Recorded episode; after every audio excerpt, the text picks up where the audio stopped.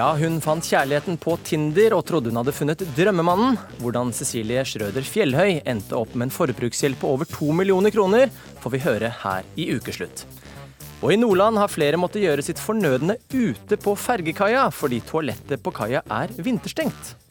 Så kastelig, egentlig. Det er jo folk som står i feiekø og skal på do, og de har jo ikke noen plass å gjøre ifra seg. Vinterstengte toalett langs veiene skaper også problemer for yrkessjåførene, som ber Statens vegvesen åpne opp alle doene, vinter som sommer. Og det ble gull til Therese Johaug under 15 km under ski-VM i Seefeld. Vi skal straks til Dalsbygda og feire med familien til Johaug. Ja, god lørdag! Du hører altså på Ukeslutt her på NRK. Mitt navn er Kristian Strand og skal være med deg de neste timene.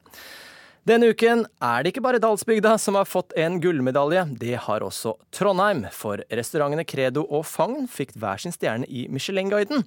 Og Jørn Hoel, som er en matentusiast, skal etterpå dele med oss hvorfor han nærmest kan gråte av å innta et måltid på en slik stjernerestaurant. Og tårer, det er det er vel kanskje også kommet noen av der du er, Geir Olav Slåen. Er det det? Ja, jeg ja da, det her hadde vært tårer og snufsing. Og i dag er det faktisk kun noe Therese som har, fra Dalsbygda som har gått på ski. For det er ingen å se, verken skiturist eller biler utomhus nå. Nå har alle sittet og sett på hvor Therese har gått. Og her på Østegga, show tante Kristin og onkel Helge, onkel Helge, så har det vært mye kroppsspråk. Eh, snufsing og noen tårer. Og tante Kristin, hva føler du nå? Å nei, nå er jeg skikkelig glad. Eh, det er altså, Jeg syns det var kjempemoro eh, eh, å se at hun klarer å komme tilbake igjen. Etter det hun har vært gjennom nå, det syns jeg er stort. Rett og slett. Ja, du har fulgt henne fra hun var bitte lita. Hva sier du på en slik dag når det ble gull igjen etter denne perioden hun har vært igjennom? Nei, jeg er skikkelig glad på vegne av Therese. Eh, jeg syns det var kjempemoro at hun faktisk eh, klarte det etter den tøffe perioden. Eh, jeg vet hva tøft hun har hatt det i her to åra her. Og det å klare å komme tilbake igjen og ha klart å stått i det, det er jeg bare imponert over. Og så har vi onkel Helge da, som måtte få en egen stol med god plass. For etter det de andre sier, så bruker du mye kroppsspråk når Therese går løp. Og hvor var det i dag? Jo, det var spennende i, i to minutter. Det å, å, rykke etter to minutter, det, det, har jeg vel nesten ikke sett før. Så jeg slapp å bruke så mye armer og føtter i, i, dag. Så, så litt roligere løp ble det til meg òg. Ja, men du var ganske urolig her, for det var kroppsspråk. Og når hun tok dobbelttak, så satt du i lenestolen og vagga likedan som hun tok dobbelttakene sine. Ja, jeg må gå litt, ja, vet du. Det, det er slik det er det når det er sport på TV-en. Men vi har ei flaggstang ute her som eh, du skal besøke nå. Ja, vi må heise flagget, vet du. Det, det er lenge siden vi har fått gjort det nå. Vi, eh, vi var sammen med Therese i Seiserhallen når hun fikk eh, dommen for eh, eh snart et og et år siden. Og da var det med en gang Seefeld som var målet. Og nå er jeg der, og nå har jeg vunnet. Og har klart alle sine mål så langt. Nå skal flagget til topps, ja. Ja, og eh, når vi nå har fått eh, tørka tårene og snufsa fra oss her, så skal flagget til topps på Østegga her i Gullbygda, Dalsbygda. Tusen takk, Geir Olav Slåen, for en fantastisk beskrivelse av Dalsbygda. Nå er det bare å glemme trøndersodden, for nå er det stjerner som gjelder. For trønderne har virkelig blitt satt på matkartet denne uka.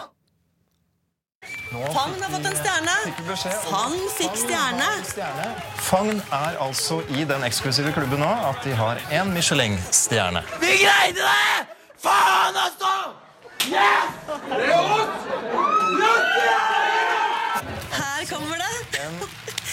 Oh, så fantastisk. Jeg tror kanskje ikke det har helt gått opp for oss at man nå har en stjerne. Det, det går til å bli nye Kokke-Norge.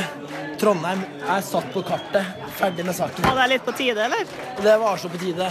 Trondheim har stått så langt frem nå.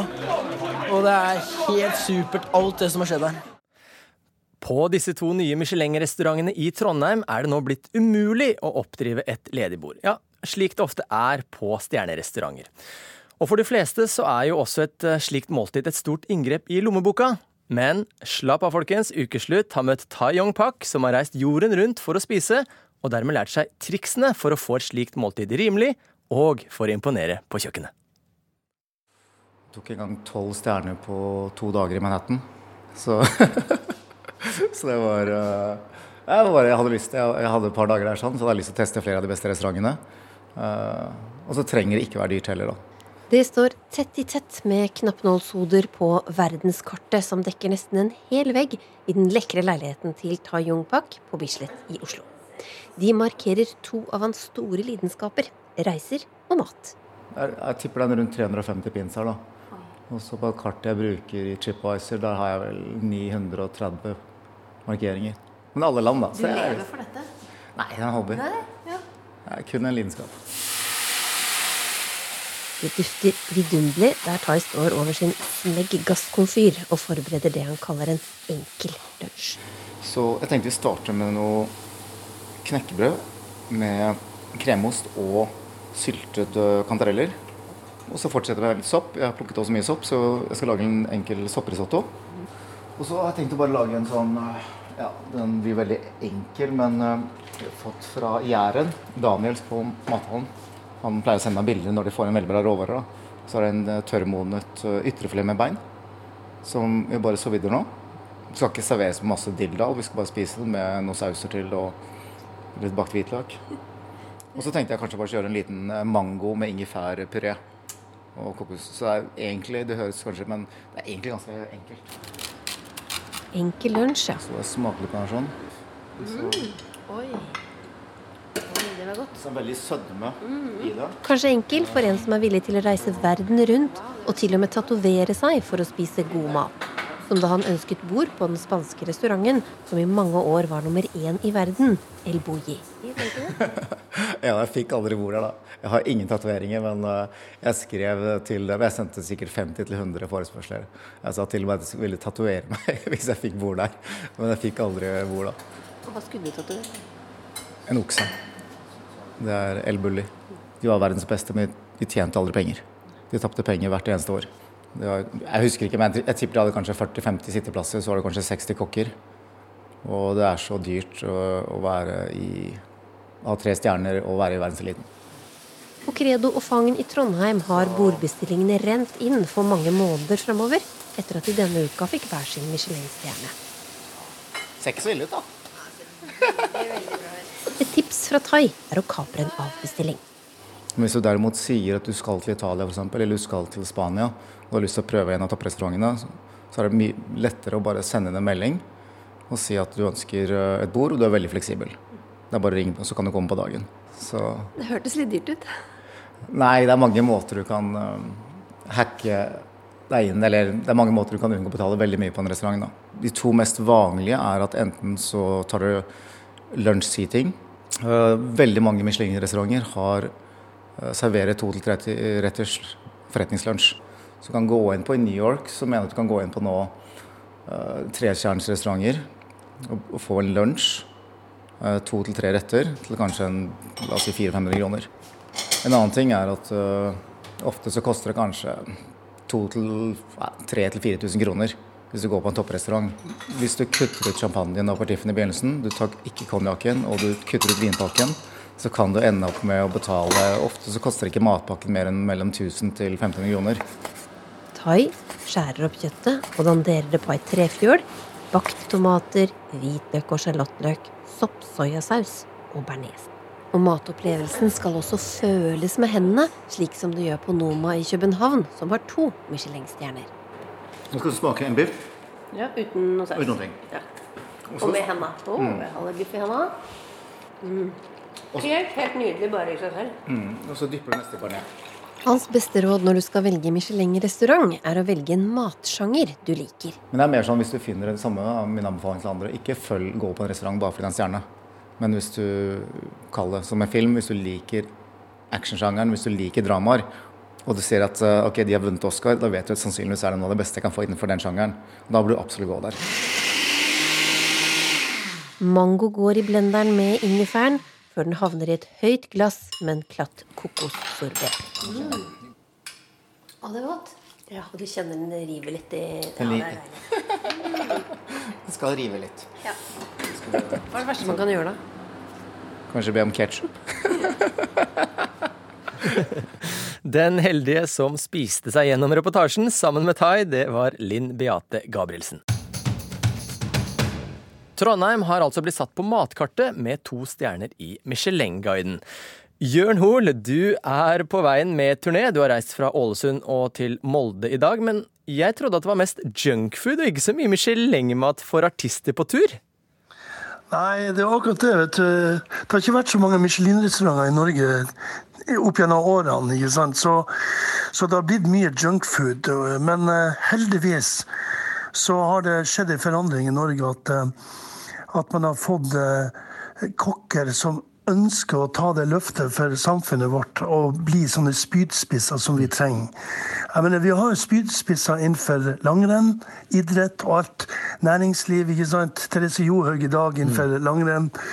Og så trenger vi sånne enere som er inne på kjøkkenet, som tør å ta det løftet. For at det, de, de forsaker ekstremt mye for å gi oss matinteresserte det store løftet ikke sant? og det store kicket når vi kommer på en restaurant. For du, du er jo virkelig matentusiast, Jørn. Det er, det er ikke alle som vet det, men det er du. Og du har spist på flere Michelin-restauranter. Eh, Hva er det som gjør en slik matopplevelse så spesiell at du nærmest kan gråte av å innta et måltid? Nei, det, er jo, det er fantastisk å komme inn på et sånt sted hvor, hvor de har fått tak i de aller beste råvarene. Og veldig ofte kan det være vanskelig og dyrt. Og så skaper de kunstverk eh, ut av det. Når du, når du sitter og kanskje får eh, 15 eller 20 smakinger, som de kaller det, eller små retter, som gir deg en sånn reise, en sånn teaterreise gjennom en kulinarisk eh, ferd som du ikke hadde drømt om. Da får man tårer i øynene. I hvert fall gjør jeg det. Jeg får sånn wow-kick. Og det, det er kult å oppleve. Jeg anbefaler at alle nordmenn prøver det, for at det er veldig, veldig unikt. Men det er vel kanskje ikke for alle, det er vel ikke for folk flest? Er det det? Er det ikke veldig dyrt og vanskelig å få tak i? Det er for folk flest. Det er det. Alle må prøve det. fordi at eh, altså, Det er ikke snakk om å gå hver dag og spise på en Michelin-restaurant eller hver uke. Men, men noen ganger i, i livet, i året, i måneden, så må man oppleve det. For det gir deg et sånn wow-kick. Og du skjønner det at, eh, at eh, og du- det skaper stolthet. altså At vi får så mange Michelin-restauranter i Norge nå, det skaper en enorm stolthet. Vi blir oppmerksom på hvor gode råvarer vi har, og hvor dyktige kokker. For våre kokker er like bra som de som er ute i verden. Ja, Vi har jo med en kokk også, Jørn. Vi har, med oss, vi har jo med oss René Fagerhøy. Eh, og du vant Toppsjef på TV. Og så er du verdensmester i sjømat. Det ble du i 2016. Og så driver du din egen restaurant, Bula Neobistro i Trondheim. Hva betyr det for, eh, for Trondheim og, og maten og restauranten der oppe at man nå har to stjerner blant dere? Eh, takk for en nydelig intro, forresten. eh, nei, det er jo klart at det har, det har en stor betydning for hele Trondheim eh, som by. Eh, det er jo litt som Jørn Hoel snakker om her også, at eh, det her med Michelin det er jo noe som henger veldig høyt. Og det bidrar til å gjøre eh, Trondheim eh, til en ordentlig matdestinasjon på den måten at det faktisk er eh, ene og alene for å spise på de her restaurantene at man kanskje tar turen og reiser til Trondheim. Men er det sånn nå at det blir slutt på trøndersodd og man bare går for stjernemat, eller? Absolutt ikke, og trøndersodd er jo helt nydelig. Men det er jo fint å ha et eh, mangfold. Jørn Hoel sier at det er, det er en eksepsjonell matopplevelse, dette her. Er det en matopplevelse for folk flest, eller er den for de få? Jeg tror jo at de, altså Det er jo en fordel å på en måte være glad i mat, da, og være glad i, i matopplevelser. Eh, og kanskje også tørre å utfordre seg sjøl litt, grann, hvis man skal dra og spise på Michelin-stjernerestauranter. Men jeg tenker som så at eh, Ja. Det, for, ta for eksempel Credo. da. Det er jo en restaurant som har vært i Trondheim i kjempemange år. Det er en institusjon i Trondheim. Det er en restaurant som hver eneste trønder kjenner godt til. Det er en restaurant som har blitt blitt eh, brukt av trøndere i alle år for å feire spesielle anledninger, men også ta en businessmiddag eller en mer hverdagslig eh, restaurantopplevelse. Det forandrer seg jo ikke selv om de får stjerne, men den stoltheten rundt det og på en måte den kreden for den jobben som har blitt gjort der, den kommer jo tydeligere frem. Jørn, du har jo spist på mange restauranter, og Michelin-restauranter. Og det er blitt tatt opp at det kanskje er for få kvinnelige kokker. Men når du sitter og smaker på disse måltidene, så har jeg, har jeg hørt at du prøver å tenke om det er en dame eller en mann som har lagd det. Du, det er jo et gammelt uh, sjekketriks fra 80-tallet, det der, vet du, Kristian. Men, uh, men det er faktisk uh, Altså, jeg, jeg, syns det er helt latterlig at man, at man lager kåring om beste kvinnelige kokk og sånne ting. For at kvinner er akkurat like gode på kjøkkenet som menn er. Og italiensk kjøkken, da skryter vi av at det er en mama som har laga maten. Og det er like stort overalt. Altså, eh, jeg syns det er veldig veldig viktig at jenter kommer inn på kjøkkenet igjen på gode restauranter, for at vi trenger det. Hvordan opplever du dette her, eh, René? Er det, er, det er ikke noe forskjell på kvinner og menn på kjøkkenet?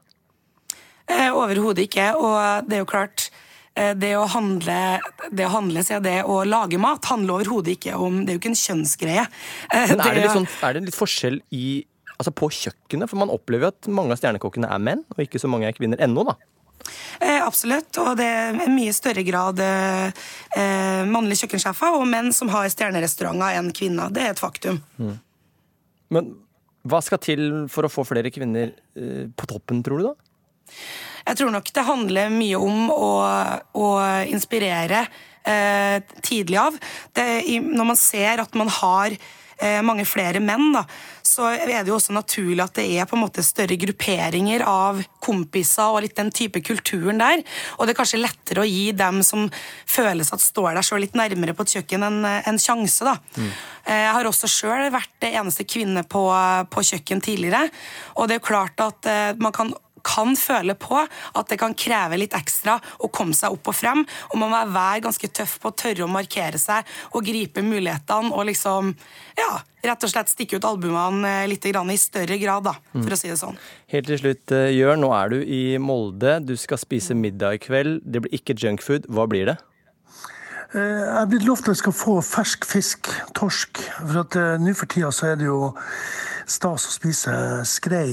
Og eh, jeg er veldig glad i det, så jeg håper det er skrei vi får i dag. Ja, Det høres bra ut. Tusen takk til deg, Jørn Hoel, som var med oss, og René Fagerhøy. Senere i sendingen så skal du få høre Cecilie Schrøder Fjelløy fra VG-saken Tindersvindel. Hvordan er det mulig å ende opp med en forbruksgjeld på 2,1 millioner etter en date, lurer vi på. Og 77 år gamle Bernie Sanders stiller som presidentkandidat mot Donald Trump. Kunne en på hans alder blitt statsminister i Norge? Sitter du akkurat nå i bilen og kanskje på vei hjem fra vinterferie eller fjellet, og så kjenner du at du har drukket såpass mye kaffe, og at du snart må komme deg på do. Da kan du ikke regne med at de offentlige toalettene som står langs veien faktisk er åpne. Denne uka fortalte NRK om at reisende som må vente på ferga på et fergeleie i Nordland, møter et vinterstengt toalett. Det har ført til at utsiden av toalettene på fergekaiene er blitt tømmeplass for reisende som må på do. Og bussjåfør Jan Anders Aanes kan bekrefte at trengende bilister i fergekø banker på bussdøra hans for å låne doen. Det, de kommer jo og spør å få komme inn i bussen. Men vi kan jo ikke med ferjekø på en 30-40 biler kan jo ikke vi eh, helt korsett åt. Det går jo ikke an. Velkommen hit i studio Ukeslutt, forbundsleder i Yrkestrafikkforbundet, Jim Klungnes. Vi hører her at eh, det er ikke så lett å komme på do om dagen. Hvordan vil du beskrive problemet rundt om i landet? Det er titusenvis av eh, yrkessjåfører som har veien som arbeidsplass i Norge. Og det er verken eh, sunt eller hyggelig eller eh, trafikksikkerhetsfremmende at man må kjøre flere mil ekstra og knipe igjen fordi at Statens vegvesen har eh, valgt å stenge noen av de faktisk relativt få stedene som man har mulighet for å komme seg på toalettet. Hva gjør det med dine dine yrkessjåfører? det, det gjør deg irritert og forbanna for å snakke i klartekst. Og det er, det er såpass mange sterke kommentarer at du kunne iallfall ikke gjengitt det på radio. Ja, Men går de De må gjøre fra seg? Ja da, det er mange kreative løsninger. Alt fra å henge rumpa over autovernet til å øh, faktisk ha med seg bøtte. Kolleger som har med seg bøtte som de putter en plastpose i, og, og gjør sitt fornøyd. Og det burde ikke vært nødvendig. Vi er også med Statens vegvesen ved Turi Stube Johnsen. Velkommen hit til ukeslutt. Du, eh, folk må henge over autovernet og gjøre fra seg. Hva, hva er egentlig logikken med at, de at det er vinterstengte toaletter? Eh, det, her, ja, det kan jo høres ut som en, en drittsak for Statens vegvesen, det er jo ikke ja. tvil om det. Men, eh, og selvfølgelig, det er, jo, det er, jo, ikke bra å høre det som her eh, kommer opp. Og vi vet jo at det er veldig mange både gamle og slitne toalettanlegg. En del av de er ikke bygd for å være helårsåpent i det hele tatt. De er gamle og av en standard som, som ikke er egnet for å være åpen vinterstid. Så ser vi òg på en del anlegg at det er herverk. Men er det ikke mulig å, å, å restaurere de, da? Jo, det er det. Og det, er, det utbedres eh, og restaureres en god del anlegg. Det etableres også en del eh, døgnhvileplasser opp i forhold til dagens eh, standard på dette området. Men det er klart det er også et, et, økonomisk spørsmål i forhold til å finne de rette budsjettmidlene til den type formål. Men jeg er helt enig i at Men er det, er det på en måte ikke prioritert, er det det du prøver å si? Ja, det er prioritert så langt vi klarer, men behovet er større. Det er ikke tvil om det. Hva tenker du om det, Jim? Du hører at det er jo ikke råd til, å, det er ikke råd til alt å fikse alt dette her, da? Nei, men, eh, men jeg blir jo likevel forundra, fordi at eh, hvis du har tatt en hvilken som helst annen yrkesgruppe og fortalte deg at, eller hvilken som helst arbeidsplass at her måtte vi stenge toalettet seks måneder i året, for å spare penger, så hadde det aldri kommet til å vært en diskusjon.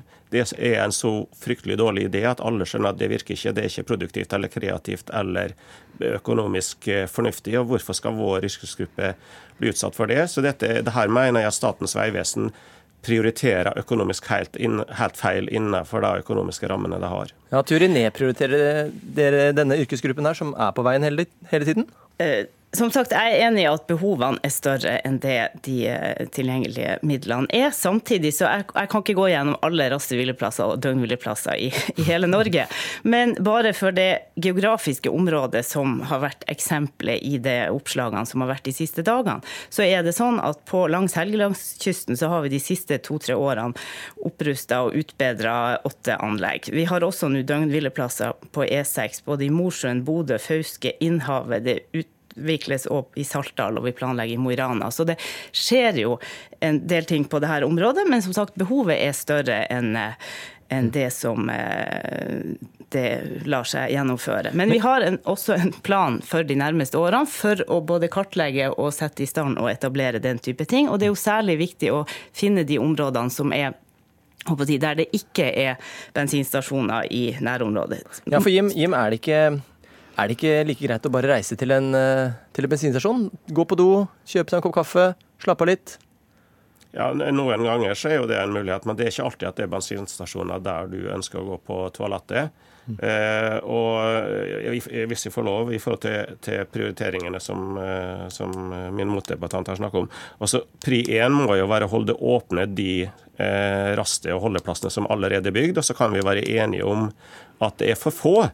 Eh, og Der trenger Statens vegvesen større bevilgninger, fordi at det eksisterer en plan i dag som vi også i Yrkestrafikkforbundet har fått vært med på å utforme, der man skal bygge 90 nye døgnhvileplasser til 2023. Per i dag så er man på 45, og man bygger to-tre i året. Og Det er fem år til 2023, så da må man bygge åtte-ti år. Men det tempoet man ligger på, er to til tre.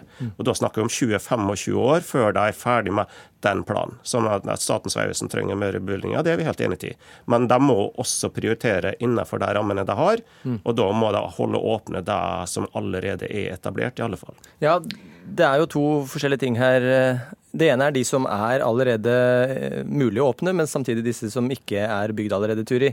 Kan man ikke bare åpne de som står der, da? Så kan man ta det som en mann, holdt jeg på å si. Om det er fint der inne, det bryr, seg, bryr man seg kanskje ikke så mye om, men man må på do. Ja da, jeg ser det. Altså, det er klart, det å åpne de anleggene som kanskje har vært utsatt for betydelig hærverk og sånt, det tror jeg ikke er jeg å si, dessverre attraktivt for, for noen. Eh, men som sagt, vi har jo utbedra en, en god del toalettanlegg allerede, og vi planlegger for enda flere. Når det gjelder de helt tre konkrete som det har vært veldig stor media i medias søkelys den siste uka, så kan jeg jo sånn sett komme med den meldinga at der er faktisk årsaken noe så eh, en kontraktteknisk finurlighet ved bytte av entreprenør. Så der kan jeg jo glede dere med å si at de åpner faktisk på mandag, fordi vi har eh, kommet til en enighet med vår driftsentreprenør nå for eh, å Oi. få i stand en avtale. Så jeg Oi. håper jo det bidrar til, til noe bedring for noen av de reisende, i hvert fall i Ja. det området. Ja, Jim. Tre nye åpne toaletter, ny entreprenør. Dette lukter eh, bedre. Jeg vet ikke hva. Alle monner drar. Men, men du nevnte så vidt standarder her. Men, men du er litt glad for det? Ja, vi er glad for hvert som åpner, og hvert som holdes åpent. fordi at det er, også, det er flere tilleggsmomenter her. Men, men eh, Statens vegvesen har jo eh, flere oppgaver. En av oppgavene det er å, å etablere og holde åpne sånne rasteplasser og hvileplasser. Den andre oppgaven det har, det er å kontrollere at sjåførene overholder f.eks. kjøre- og hviletidsreglene. Og når det er vinterstenge noen holdeplasser så blir det vanskelig for yrkessjåførene å overholde disse reglene, men det er yrkessjåførene som sitter med ansvaret. Det er yrkessjåføren som blir bøtelagt. Det er ikke Statens eh, vegvesen som sitter med det ansvaret. Denne debatten eh, merker jeg kommer til å fortsette på, en toalett, eh, på et toalett nær dere. Eh, Takk for at du var med, Jim Klognes og Turi Stube Johnsen. Hun fant kjærligheten på datingappen Tinder og trodde hun hadde funnet drømmemannen. Men det som så ut til å bli det perfekte forhold, endte i stedet opp som den dyreste daten noensinne. Og nå har hun forbruksgjeld på over to millioner kroner. Velkommen hit, Cecilie Schrøder Fjellhøy. Denne uken så kunne vi alle lese i VG om det spesielle kjærlighetsforholdet og den svindelen som du har blitt utsatt for. Og for de som ikke har lest denne saken, eh, hvordan startet dette forholdet med Simon, som utga seg for å være en ung, kjekk, rik mann? Ja. Um, jeg satt jo da på Tinder på en lørdagskveld, som uh, veldig mange gjør. Det var nesten litt tidsfordriv, for jeg var um, på slutten på masteroppgaven min og bare tenkte at jeg var bare hjemme og skrev og bare måtte gjøre noe. Og da er jo London, og da kom jo denne, dukker denne personen opp med mange bilder eh, som viser at han har den livsstilen han har, da. Og den er jo totalt forskjellig fra det jeg er vant med. Også det, når man kommer fra Norge, så er jo ikke det helt vanlig. Men i London så er det mye mer vanlig med den type livsstil. Så jeg bare bestemmer meg for å sveipe til høyre, fordi dette kan jo være en interessant person å bli kjent med. Og um, jeg, jeg skriver til han først, fordi jeg tenker at jeg ikke kommer til å få noe svar engang. Og da er han jo bare Ja, kanskje vi kan møtes i morgen før jeg reiser fra London.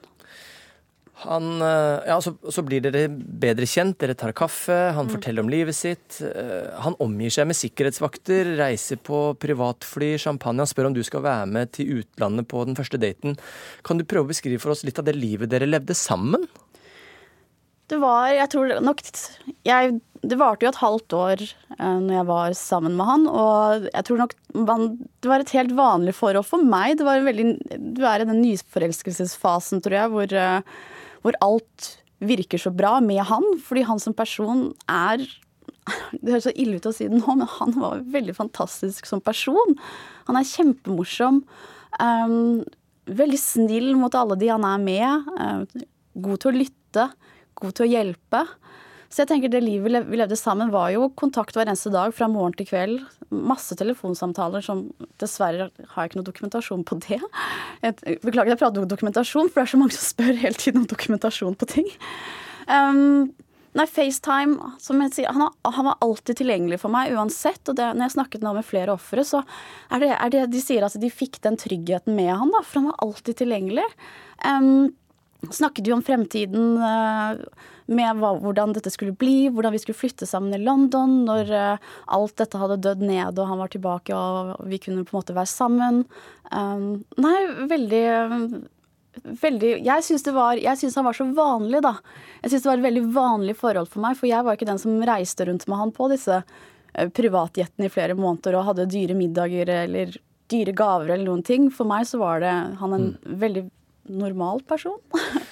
Etter at dette forholdet utvikler seg, så uh, merker du at det er noe spesielt i dette forholdet. Det, du opplever å bli svindlet. Hvordan da?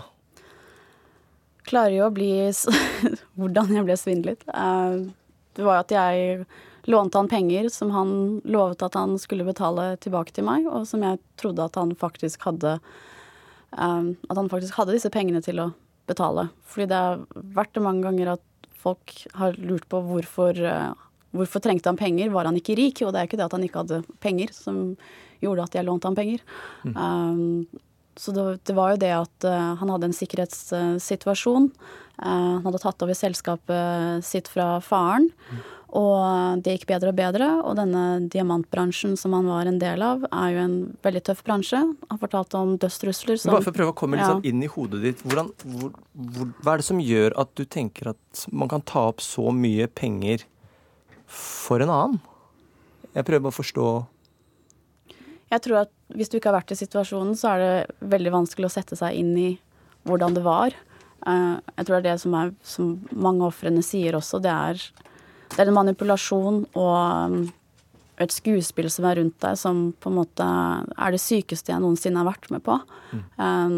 Når du har så mange rundt han som går god for den han er, og det livet han lever. Eh, når du ettertid får vite at du har vært en del av et stort skuespill, at nå er det Cecilies tur til å, til å, til å bli lurt. Um, når du går rundt med en, en, en, en dødsangst inni deg fordi du er med han i Amsterdam, og livvakten ringer til han. Han setter ham på høyttaler og sier at Simon, nå må du reise med en gang. Det er en kritisk situasjon. Det er et fly som står klart til deg. Han måtte skru av lysene i leiligheten i Amsterdam. Og han var redd for disse fiendene sine da, som kom til å ta han. Um, jeg ble livredd. Jeg ble- ser at det er vanskelig for deg å fortelle dette ja, her jeg, nå. jeg, jeg, jeg, jeg syns ikke det er noe du, prøvde, du har prøvd å gå videre med det, og så nå blir alt bare rippet Mm. opp igjen, og du blir tatt tilbake i tid til akkurat disse når dette skjedde. Mm. Og der og da så var du bare livredd for han. Du var livredd for deg selv. Det var ikke sånn at uh, du ville bare få den situasjonen til å gå bort. Du ønsket bare at ting skulle være tilbake til normalen. Og, eh, og jeg sa det til han så jeg bare husker at jeg sa til han så mange ganger at, han at dette her ødelegger meg.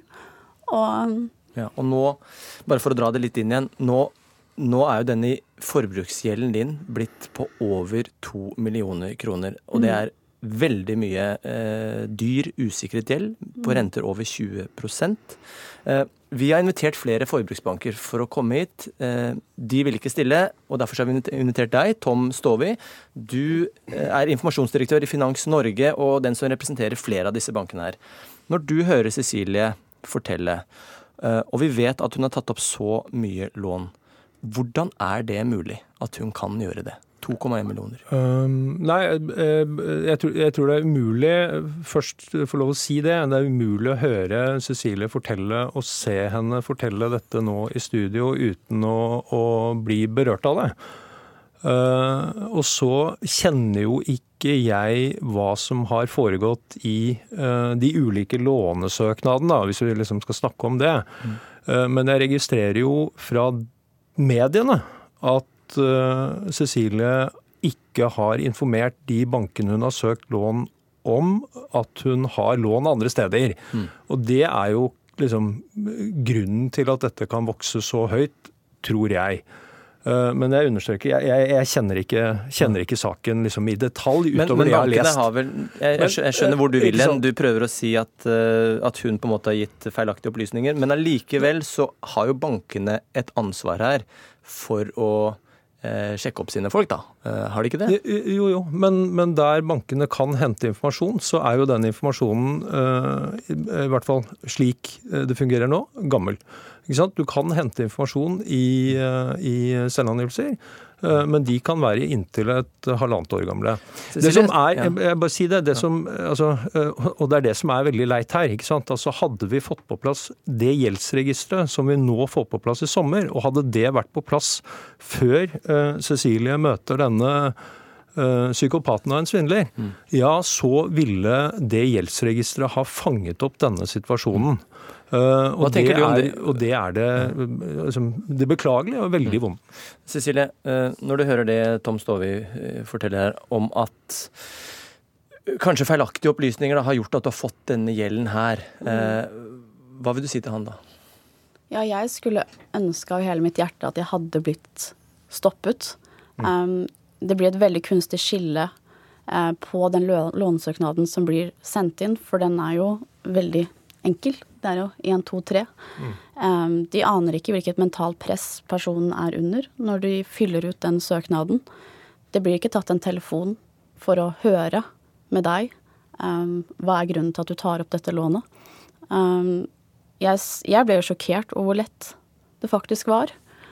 Jeg synes det er rart at noen banker opp mot 500 000 i forbrukslån med skyhøy rente. Jeg tenker folk flest eh, som trenger opp i den størrelsesordningen, det burde faktisk ikke eksistere engang, at det er mulig å ta opp så høy lån. Um, Jeg ser du vrir deg litt her nå, Tom. Det, det er, altså, skjønner du hva Cecilie sier? Og, og, og, Eh, Nei, jeg, jeg vrir meg ikke. Men- men du skjønner- Men det, jeg, jeg, forstår, eh, altså, jeg forstår at det er eh, at det er lett å få tak i usikret lån i Norge. Det er mange tilbydere som tilbyr det produktet. Mm. De aller fleste nordmenn lever veldig greit med at det tilbudet er der. det skal sies at er- Gjensidige har eh, gitt inn på 200 000 ja. Det er noen som går skoene av seg, og så vil eh, Akkurat når det gjelder den situasjonen som Cecilie har havnet i, så tror jeg i hvert fall det jeg vet om dette, det er at eh, du er vel i konflikt Eller det, er vel et spørsmål nå med mange av de som har gitt deg lån, om eh, hvor du har bestridt lånet, så vidt jeg skjønner. Og så diskuterer man om dette lånet egentlig er, bestridt eller ikke.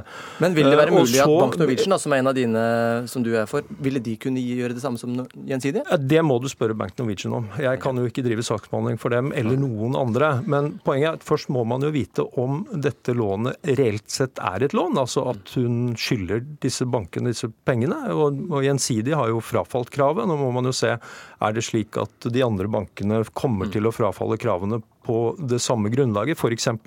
Og når eh, den beslutningen er fattet, ja, så må man jo komme til en eller annen diskusjon om hvordan uh, man kan bidra til at Cecilie kan komme videre i livet. ikke sant? Eh, Helt- ja. Helt til slutt, Cecilie. Hvis du må betale disse over to millioner kroner, hvordan vil det påvirke livet ditt? Det er faktisk ikke mulig å betale ned i. Fordi hvis du skal beregne bare den vanlige renten på alle disse ulike lånene, og det jeg skal betale ned månedlig, så er ikke det fysisk mulig. Så da blir det jo til at basert på hvordan lovverket er i Norge, så må lånet bli gamle, jeg må vente tre år, og så må jeg bli personlig konkurs. Så. Ja, Cici- vi vi har ikke dessverre, Ja, ja, dessverre så har vi ikke mer tid, eh, Tom. Jeg vet dette er en sterk sak. Eh, tusen takk, Cecilie, for at du delte dette her med oss. Og så håper vi at Vi håper jo på en måte at det kommer frem en løsning for begge parter på best mulig måte. Tom Stovi, takk for at du var med her. Er det for tøft i fotballgarderoben? roper publikum stygge ting fra tribunen. Eller hva er det som gjør at herrefotballen ikke har noen åpen homofil spiller på toppnivå? Pride-parader og lov om likekjønne ekteskap til tross, i herrefotballen glimrer homsene med sitt fravær. Men i NRK-serien Heimebane dukker det kanskje opp noen. Dette her ser veldig rart ut. Du skjønner jo det, sånn som folk snakker om dere. Hvordan folk snakker om hva?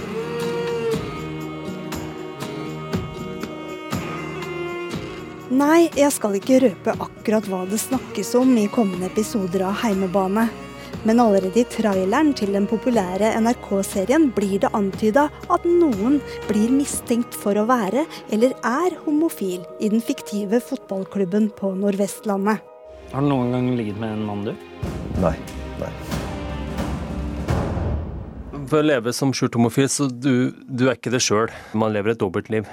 Dette er Thomas Berling i et intervju med Ukeslutt for snart fire år siden. Berling ønsker ikke å gi et nytt intervju, men synes det er greit at vi spiller akutt fra det gamle. Berling spilte på Norges U19-lag, seinere på Lyn, og var livredd for at noen skulle oppdage at han var homofil. Hele tida redd for å skal bli oppdaga, sjøl om man kanskje ikke har, gjør ting og sier ting som gjør at man blir oppdaga, men samtidig så går det med konstant frykt for å bli outa, eller at noen skal skjønne at du er litt annerledes enn hva du egentlig utgir deg for.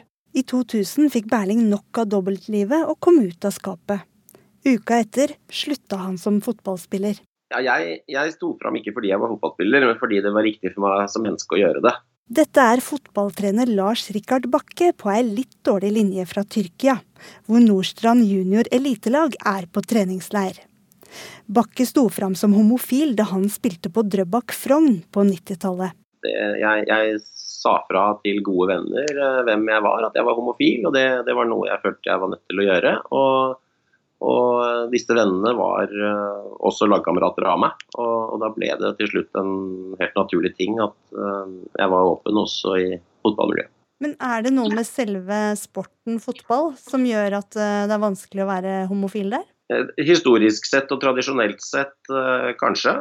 Og, og, det er klart at det er en, det er en garderobekultur og det er en sjargong som er eh, relativt eh, macho, selv om det kanskje er et dumt ord. altså Den er i alle fall eh, køddete og, og, sånne ting. Og, og, det er mulig at eh, den, den, skremmer bort. Men altså jeg har jo en idé selv om at jeg tror de som er homofile i fotballen, forsvinner ganske tidlig. da jeg, jeg, tror ikke på at liksom 10% av uh, eliteseriespillerne er homo. Jeg, jeg, tror de har uh, sluttet med fotball lenge før det.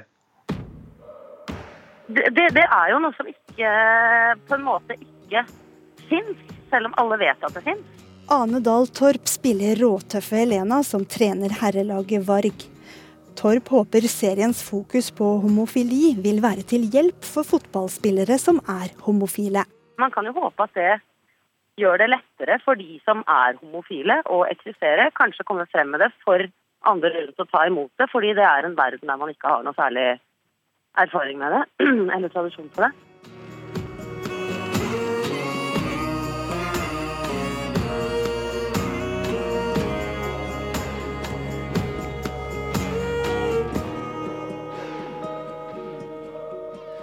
Reporter her, det var Kari Li.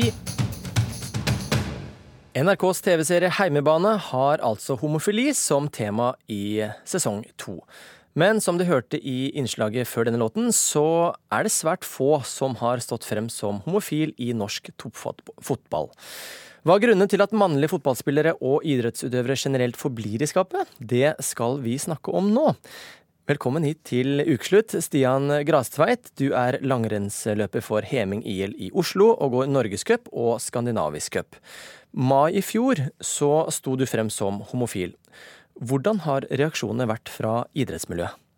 Ja, Tusen takk for at jeg fikk komme, først og fremst. Eh, reaksjonene har jo egentlig vært helt suverene. Eh, jeg hadde det synet som kanskje mange idrettsutøvere har på det å komme ut. at Jeg var jo ganske sikker på at alle skulle dømme meg, og alle skulle være negative. Og ja, hadde vel forberedt meg på det aller verste på alle måter. Men eh, så ble jeg jo møtt av det stikk motsatte. Jeg har jo ikke fått en eneste negativ kommentar eller melding siden jeg sto fram. Nå er det begynner å nærme seg et år siden. da. Hvorfor trodde du at så mange skulle være negative? Eh, jeg tror I idretten så handler det mye om at det snakkes veldig lite om. Eh, derfor blir man nok litt i tvil som utøver hvordan holdningene egentlig er. Eh, det er ikke nesten noen som er åpne på som mannlige utøvere. I hvert fall ikke det før jeg kom ut, som, som jeg kjente til. Og da, da, tror jeg på en måte man gjør seg opp en mening om at ja, ok, siden det ikke snakkes om, så, så er det sikkert ikke noe folk ønsker noe med. Og, ja. Du sto frem som 23-åring. Eh, ja. ja hvorfor, hvorfor turte ikke du før? Eh, nei, jeg var jo overraska over at det skjedde såpass tidlig. Jeg hadde egentlig bestemt meg for å Jeg hadde på en måte lyst til å leve hele livet mitt som heterofil, fordi at jeg følte at det var en lettere løsning. Du hadde lyst til det? Ja. ja. Eh, det var det som jeg følte var lettest letteste måten for meg å gjøre det på. Men eh, etter noen år med den tanken så skjønte jeg at det, det kunne bli ganske hardt. Og hvorfor ja. hvorfor er det lettere? På mange måter så tenkte jeg at da unngikk jeg mange av de spørsmålene, vanskelige ting. Unngikk hets og masse sånn. Eh, og tenkte liksom at da kunne jeg få det sånn greit lykkelig resten av livet med kone og barn. Det var liksom sånn det starta. Men eh, så skjønte jeg etter hvert at det kosta ekstremt mye krefter, og innså kanskje etter hvert at det var jo ikke en enkel løsning, det heller. da. Så skjønte jeg jo at hvis jeg hadde lyst til å gå fort på ski og få ut mitt potensial der, så, så måtte jeg stå fram. Det, det var liksom ikke noe å lure på til slutt. Du måtte rense huet? Ja. Eh, Mats Møller Dæhlie, du er profesjonell fotballspiller i Tyskland, hvor du spiller på FC St. Pauli i Hamburg. Eh, du har sagt at du syns det er leit at nesten ingen står frem som homofil i fotball, fotballen. Hvorfor syns du det? Nei, altså, ja, først og fremst hyggelig å være her. Um, det, er, um, det er jo ekstremt få eller ingen uh, som står frem, og um, fotball er en skal være en sport for, for alle. Mm. Og det er uh, det er rett og slett veldig, veldig rart, og det er, um, det er noe man må, man må, snakke om. Og jeg tenker at, um, at man har fortsatt en del å gå på når det gjelder fotball og garderobekultur. Kultur, miljø, en sjargong. Um, ja, hvordan er, du som, du som, er i garderoben nesten ja, hver eneste dag, hvordan er den kulturen? Det er jo helt forskjellig fra garderobe til garderobe. Um, men i en, i en, fotball, en fotballgarderobe kan det ofte være altså det er en, mach, en machokultur, en sjargong, altså, og det kan være et hierarki um, der, uh, der, det er noen som, som er veldig dominerende. Og som, som, da, hvis du f.eks. kommer som ny spiller i en klubb, så er det veldig naturlig at du har lyst til å passe inn. Mm. Og det kan jeg se for meg er, um, kan være veldig vanskelig. Eh, når det er 25 gutter eh, eller menn i, i en garderobe med, med, en type mm. Kan være en type humor som ikke er eh, Jeg tror det er en kort vei mellom, en, mellom joke og realitet, mm. og det er noe vi må snakke om. Hvorfor, hvorfor, er det så viktig at, at sånne som Stian da, i langrennen Hvorfor er det så viktig at, at de står frem også i fotballen? Nei, jeg tror det er veldig veldig viktig. Og jeg spiller jo i en klubb som, som er ganske, ganske spesiell. Vi, vi, vi, står opp mot uh, homofobi. Vi har regnbueflagg på tribunene. Når du kommer inn uh, i, på stadion vår, så står det 'love, love who you want'. Um, mm. Og jeg tror at hvis f.eks. En, hadde, en hadde kommet ut i, i, vår klubb, han ville bli tatt imot vel, helt fantastisk, og det kunne kanskje skapt en bølge. uh, der flere ville turt å stå fram. og Derfor tror jeg det er veldig viktig å, å også snakke om. Henrik Lunde, du er seksjonsleder for barn og ungdom i Norges Fotballforbund.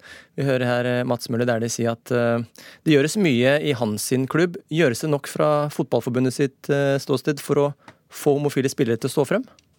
Jeg vet ikke om vi er i stand til å få noen til å stå fram, det må jo folk ta det valget selv. Men det er klart det har vært et mye sterkere fokus på det de siste årene. Og jeg tror det er kjempeviktig å få fram historier sånn som eh, Stian her, ved å si at det går helt greit.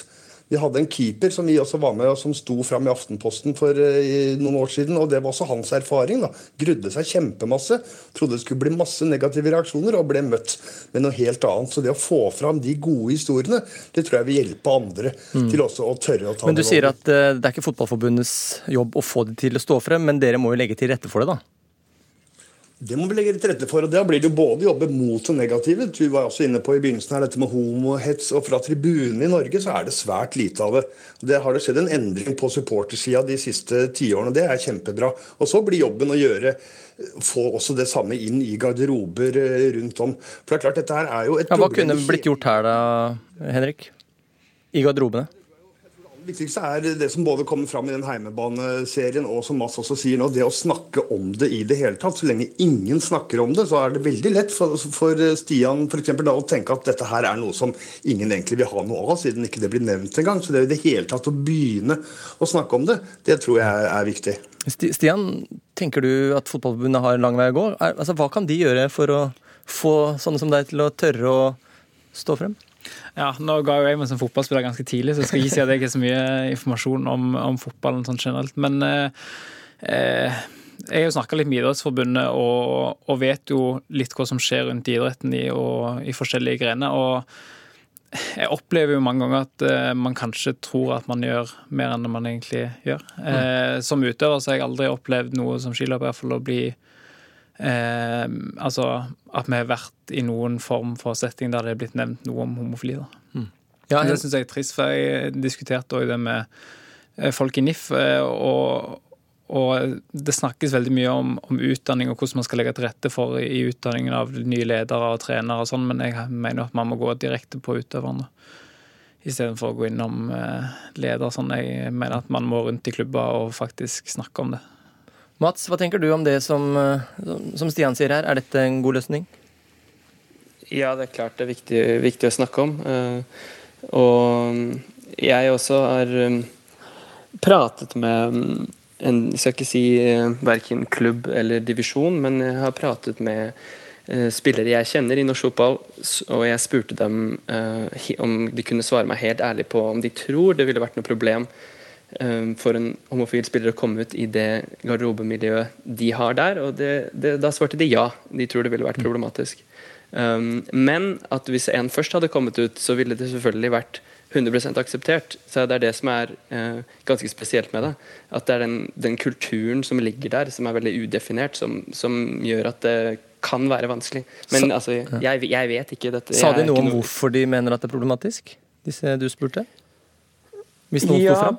på grunn av praten, humoren, sjargongen mm. og, um, og de type tingene. Uh, så ikke jeg gå inn på det, men uh, det er uh, det er noe der, det er noe dypere, uh, som er veldig vanskelig å ta tak i. Um, og det må vi prøve å gjøre. Hva, hva kan Fotballforbundet gjøre med dette, Henrik? Nei, Vi må nok absolutt bare fortsette det vi gjør. Jeg tror nok, jeg skjønner hva Stian mener, men vi er jo, i og med at vi er så mange, så må vi gå via ledere og trenere for å ta den praten. og jeg tror akkurat det er det å ta det i hverdagen som er viktig. For dette er jo litt pussig. Vi mener jo at verden går framover også på holdningssiden i forhold til homofili, men idretten henger jo etter. Det finnes jo ikke noen åpne mannlige utøvere omtrent på verdensbasis i noen idretter. altså er, Idretten ligger fryktelig langt etter. Stian, når du hører eh, Fotballforbundet og du hører Mats, du, du, hører om den harde kulturen. Hvor lang vei er det å gå før man, før man får den første fotballspilleren til å ville stå frem, tror du? Nei, eh, jeg har jo kontakt med flere fotballspillere som jeg vet er i skapet. Og noen eh, føler kanskje en ekstremt lang vei, noen er, noen er nærmere. Men jeg tror at det med sjargong og garderobekultur som Mats snakker om, det er det, mye ligger der. Og jeg tror kanskje ja, Hva skal jeg si?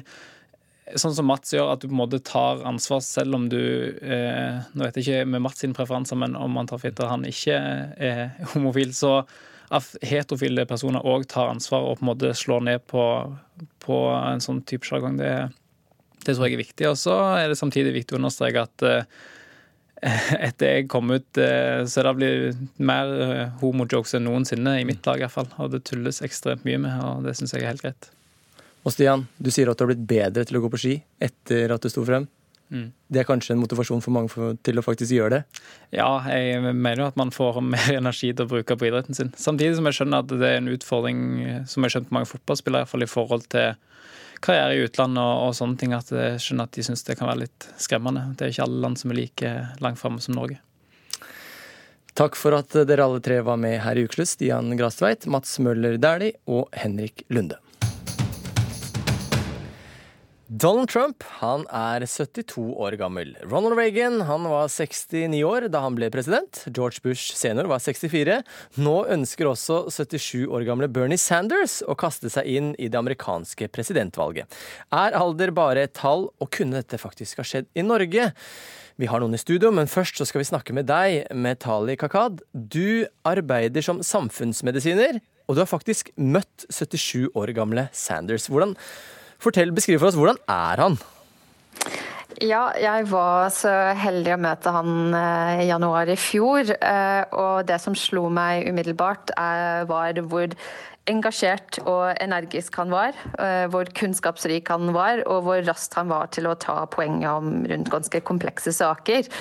Og jeg må innrømme at jeg tenkte ikke over alderen hans i det hele tatt. Nei, fordi 77 år, presidentkandidat, virker jo som en gammel mann?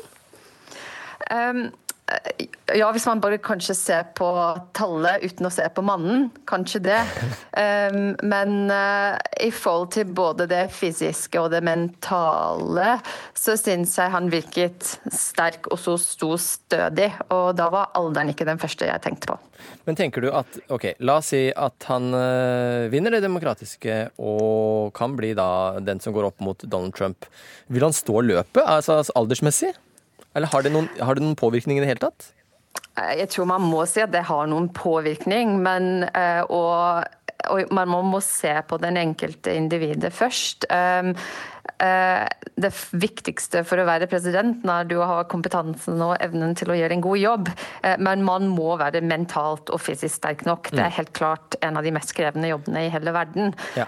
Og jeg vil ikke si om Bernie Sanders klarer det eller ikke, men i hvert fall ut ifra det jeg har erfart av han, så virket han i hvert fall på det tidspunktet absolutt kapabel.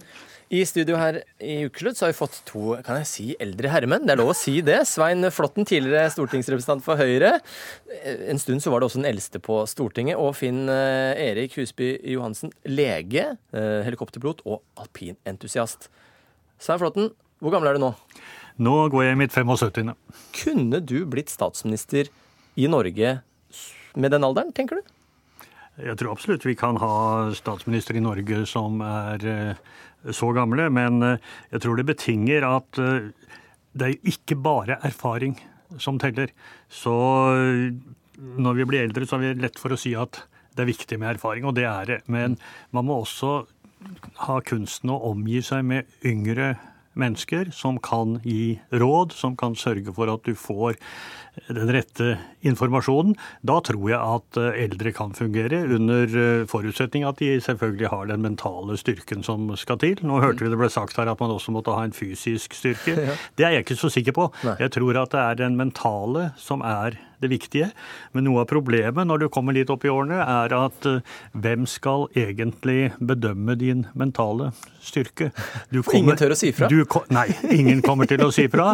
Og du kommer ikke til å se det tidsnok selv. Og det er poenget. Var det noen som sa fra til deg at uh, Svein Flåten, nå er det vel på tide å, å hilse på og gjøre andre ting som du kanskje ikke har fått tid til? Nei, det var det faktisk ingen som Vel, vi hadde en nominasjonsprosess som, Ja. eh, som eh, kanskje hadde noe med alder å gjøre, men utover det så har jeg fått veldig stor eh, tillit fra mine egne i Stortinget, og også respekt fra andre. Så det, jeg har ingenting å klage på den veien. Finn Erik, eh, bare sånn, hvor gammel er du? 81. Du er 81 år. Hva tenker du? Kunne du med din alder, eller en med din alder, blitt statsminister i Norge? Nei. Nei, Hvorfor ikke det? Det har vel litt med tidlig liv og erfaring, vil jeg tro. Men, men har alderen Spiller alder mye inn, tenker du? Nå er det litt spesielt med Norge. Vi har jo et eh, effektivt eh, arbeidsforbud i Norge. Vi kommer opp i en viss alder i Norge, så får vi ikke lov til å fortsette med det vi har gjort, kanskje gjennom et langt liv. Ja, Bernie Søren, eh, som vi nå har snakket, eller som vi nå eh, har i tankene, eh, det er jo en mann som har vært eh, politisk aktiv omtrent hele sitt eh, levende liv. Ja, med det mener jeg at han har drevet med noe som han kan, langs, langs livet sitt, eh, nesten fra starten til dags dato.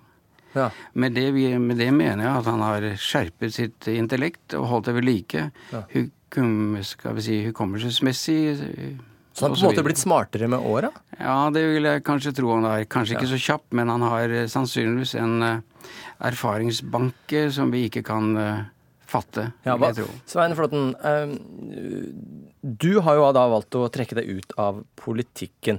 Hva, altså, hva skjer hvis man blir for lenge og blir for gammel? Hvordan vil det kunne påvirke de valgene man tar, da, med Bernie Sanders f.eks.? Hvis ingen sier fra til han at kanskje du ikke skal stille som kandidat, for du er for gammel?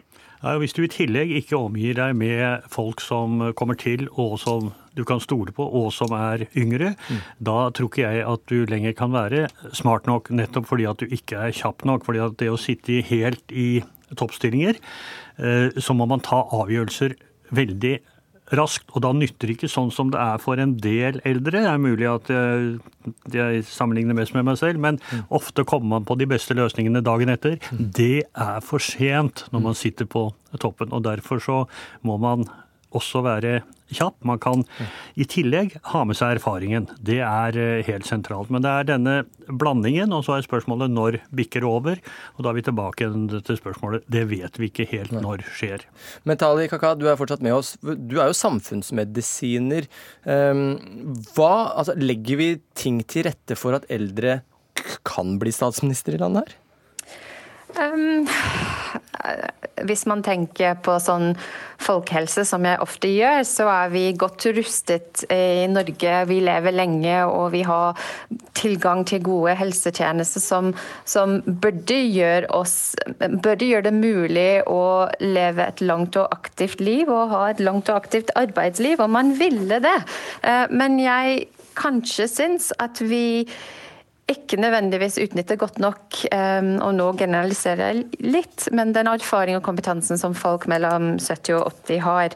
Men det jeg vil si, som jeg tror vi gjør i gjør bedre enn kanskje i land som USA, som er mer hierarkisk, at vi er flinkere å løfte yngre mennesker frem i arbeidsliv.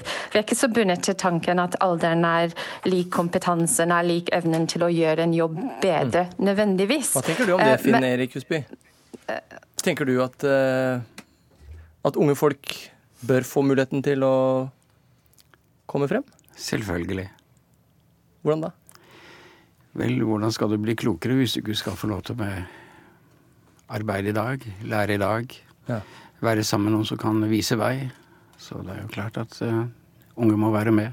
Men går man um, Hvis man hadde sett for seg en, en statsministerstilling, da. Hva er det en ung som meg, slutten av 30-årene, hva er det jeg ikke har som, som Svein Flåtten har? Utover erfaring, da, så klart. Du vet ikke hva som har skjedd tidligere, og du, vet, du har ikke opplevd situasjonene som ligner på de som var, og vet hvordan det blir reagert rundt deg. Det vet ikke du, og det vil du lære etter hvert. Jeg må si, det er mulig jeg var litt sent ute, men eh, jeg syns ikke jeg begynte å skjønne en del sammenhenger før jeg kom atskillig lenger i livet enn det du er nå, uten forkleinelse for deg. Og så tror jeg at dette er veldig individuelt. Jeg har også bruk, møtt veldig mange unge mennesker som som høres ut som de har levd lenge. Det er også litt av en kunst. Men hva, okay, hva, er- hva er forskjellen på Norge og, og USA, da? Hvorfor kall det si, verdsetter de statsledere med høyere alder enn det vi gjør? Ja, det har med, også med utvelgelsen i systemet å gjøre. Det, det amerikanske samfunnet er jo satt sammen på en litt annen måte rundt nominasjoner og rundt dette. Det, du trenger for det første ganske mye posisjon, bakgrunn, erfaring og jeg vil også si økonomisk ryggrad for å nå opp i systemet, og det er vanskelig å få til når du er, eh, når du er yngre. Så sånn sett er amerikanerne annerledes, men jeg tror også at de har en De er rett og slett sånn at de verdsetter erfaring, og det gjør vi også hjemme her. Eh, Men i Amerika kan det jo fort bli da sånn at det blir for lenge å vente for de som er unge. Det er heller ikke bra. Eh, Finn Erik, helt til slutt. Du Um, jo egentlig Du jobber jo som lege i dag. Kunne godt tenke deg å vært fastlege lenger.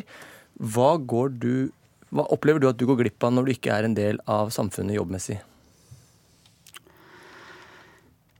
Ja, Litt vanskelig å gi deg et helt presist og riktig svar. Gjerne et litt kortet. ja, ok. Nei, man må være med på det som skjer rundt seg, og så må man eh, bruke det hodet og man har fått med seg, og så må man være med der hvor det blåser litt. Ja. Tusen takk for at dere var eh, med her i Ukeslutt. Metallica Kad, Svein Flåtten, Finn Erik Husby Johansen. Ansvarlig for sendingen, det var Ann-Kristin Listøl. Teknisk ansvarlig, Lisbeth Sellereite. I studio, Kristian Strand. Så må jeg bare si takk for at du hørte på Ukeslutt. Så håper jeg at du har en god lørdag videre, og så høres vi om en uke.